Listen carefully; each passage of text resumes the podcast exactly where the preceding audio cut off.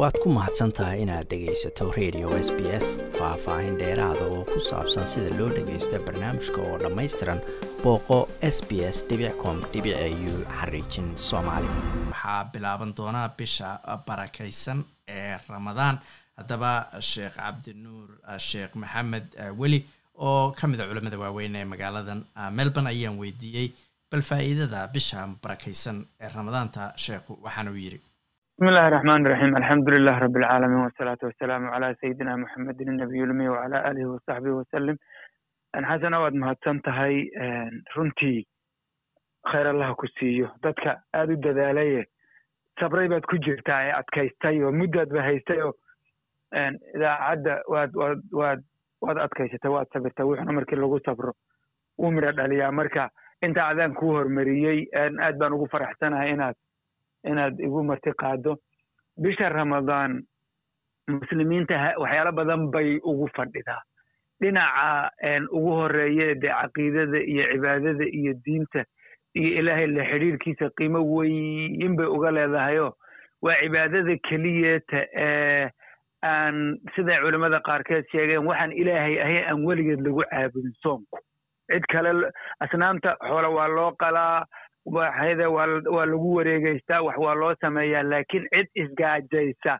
Si ay cid kale u raali geliso ma jirto soonka mooyeene. Soonka marka xaggaas waa cibaadada aad muhiimka u ah ee qarsoon ee ilaahay iyo addoomihiisa ka dhaxaysa.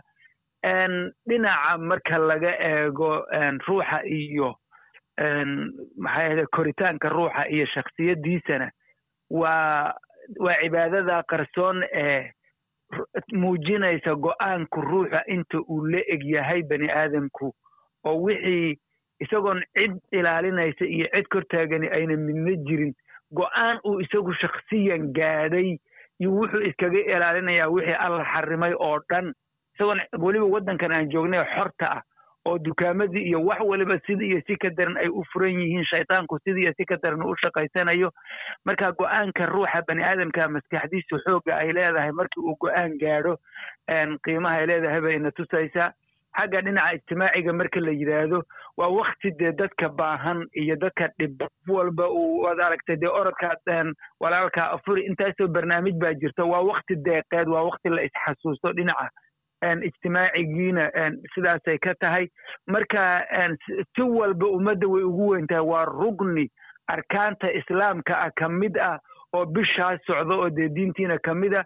Marka si walba way u weyn tahay. Dhaqaale ahaan siyaasad ahaan maxay ahayday ijtimaaci ahaan ruuxii iyo spiritually iyo developmentigii qofka intaba waa muhiim bay uga tahay.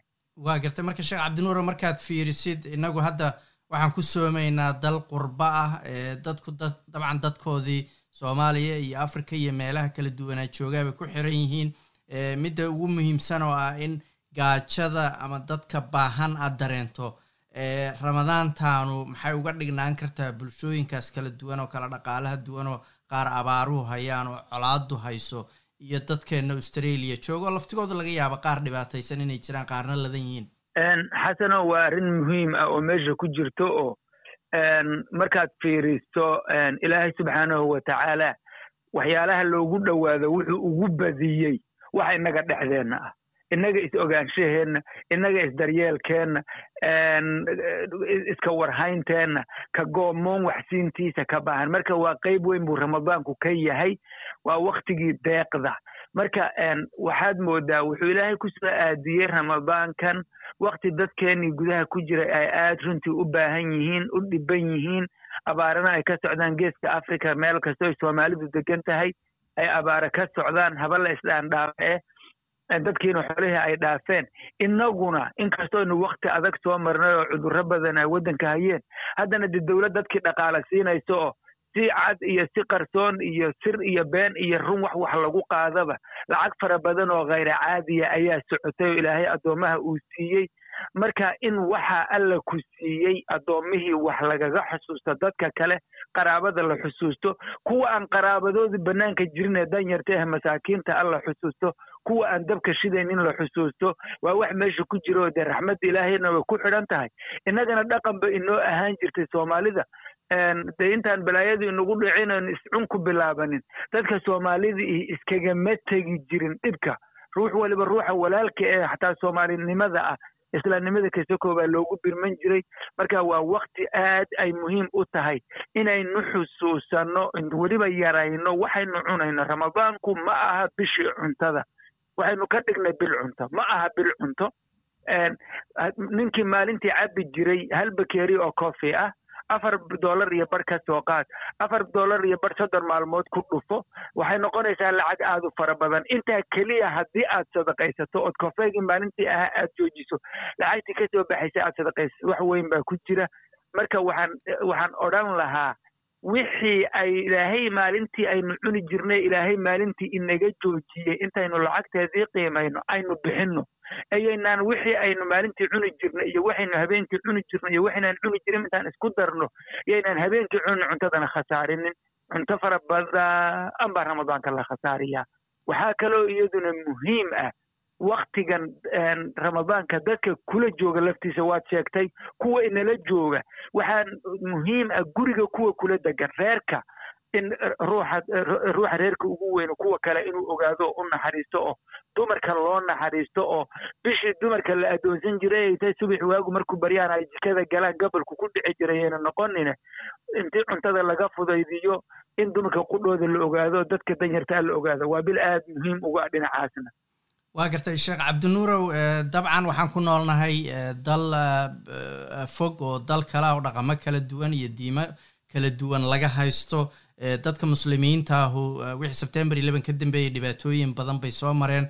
Ishaa lagu hayay weli waxay daraasaduhu sheegaan in dadka muslimiinta diintooda awgood ay la kulmaan takoor iyo dulqaad la'aan iyo dhibaato. Marka soonkan iyo ramadaantu markay noqoto arrimaha isdhexgalka bulshooyinka aanu la noolnahay iyo dulqaadka guud maxay ka tari kartaa sidee u soo dhoweyn karnaa bulshooyinka kale oo u bari karnaa diinta iyo ramadaantu macnaheeda waa arrin aada u fiican. Horta waddankan aynu joogno waxaan u malayn waddamada xagga ramadaanka markii la yidhaahdo ugu yar furfuran buu ku jiraa.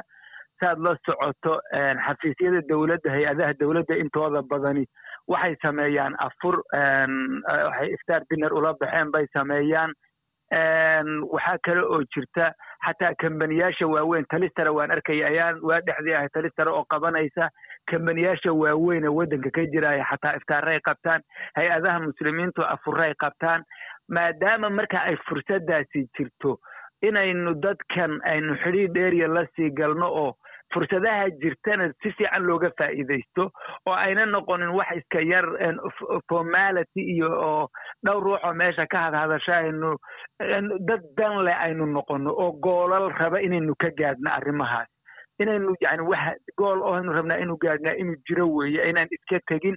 Waxaa kaloo iyaduna jirta oo dhaqano fara badan oo jiro oy dadku sameeyaan. Ma aqaana soomaalideenna si ay noogu badan tahay dadka in cuntada lala wadaago. Saaad la socotaba cadaanku aad bay u jecel yihiin dharkeenna iyo cuntadeenna. Labadaba way qiimeyan laba waxay qiimeeyaan oo jecel yihiin waxaa jira waxaynu xidhanno iyo waxaynu cunno. Marka cuntada aynu cunno la wadaageeda iyo uga sheekaynteeda intii cuntadii wax laga siiyo ruuxa dariska ah nin waxaa jira mulxidahoo nin efysta ah daris ila ah. Markaan deedna ramadaanka iyo ciidaha iyo waktiyada markaan markaan cuntada u geeyo wuxuu wuxuu allah salaam buu yidhaahdaa waa ramadaan soo ma aha marka inay bartaan oo deedna marka ay fursad kuu noqoto markaad cuntadii u geyso jaanis aad kaga faa'iidaysato wuu ku dhegaysanayaa afka cuno xishoo weeye. Aad deedna uga sheekayso ood adiga dhaqankaaga sheekada waxaa ka muhiimsan adiga dhaqankaaga ruuxu inuu ka arko wanaagga diintaada. Intaynu afka isku gadayno aynu dhaqanka isku gadno. Oo naxariista deriska ka warhayntiisa ogaanshihiisa baahidiisa ka warhaynteeda inay diinteenna qayb ka mida tahay oo deriska nabigu inagala dardaarmay calayhi salaatu wasalaam oo malakul jibriil kala dardaarmay oo ilaahay qur'aanka inoogu sheegay deriska. Derisku inuu agteenna muhiim ka yahay diintiisana aynaan dan ka lahayn deriska in loo sheego. Waa gartay marka intaas marka laga reebo cuntada keliya iyo noqon baa tiriye goolalka ama maaragta kulamadaas marka la tago goolalka ugu muhiimsan maxay noqon karaan waxay ila tahay sideenaba horta saynu ummad u nahay. Maxaynu rabnaa inaynu ka gaadhno. Ilaan cashadii waa lagu yeedhay waxaa lagugu yeedhay adiga ixtiraam lagugu ixtiraamayo oo diintaadii lagu qadarinayo. Suuq gelina way tahayo dadkan innaga iska keengadayaan marka ileen dana badan baa inagaga xidhan ama consumption ha noqoto ama voting iyo codayn ha noqote dana badan baa inagaga xidhan oo inaga rabaan. Marka iyagu dan bay leeyihiin inagu inaynaan dan yeelan waxaan yar arkaa xasano waan joojiye horta ma tago. Sababtaan u joojiyana waxay tahay waxaan arkaa inta badan dan inagu aynu leenahay oo aan rabno inaynu gaadhnay ma jirto muslimiintu wax laga hadlayo lasama ma jirto. Waa laga xishoon xataa masaa-isha qaarkood. Maalin waxaan xasuustaa aayad aan rabay inaan ku furo meel shir ah.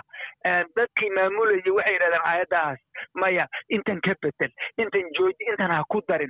Marka inagii baa xishoonayno waxyaala values baan leenahay. Waxaa ka mid a valueska qiimaha aynu leenahay in yani dhowrsoonida iyo xishoodka gogol dhaafka iyo akhlaaq xumadu inaynan fiicnayn.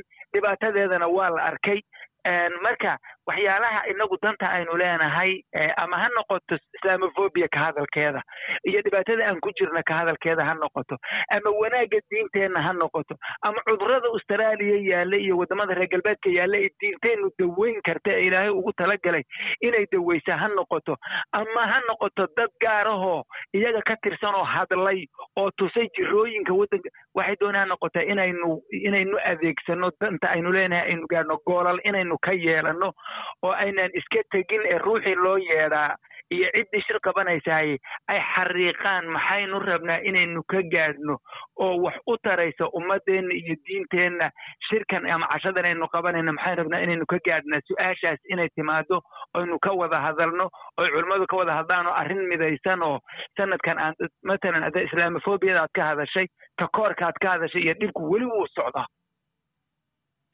doorashaana soo socota. Waa wakti hadda aad u wanaagsan.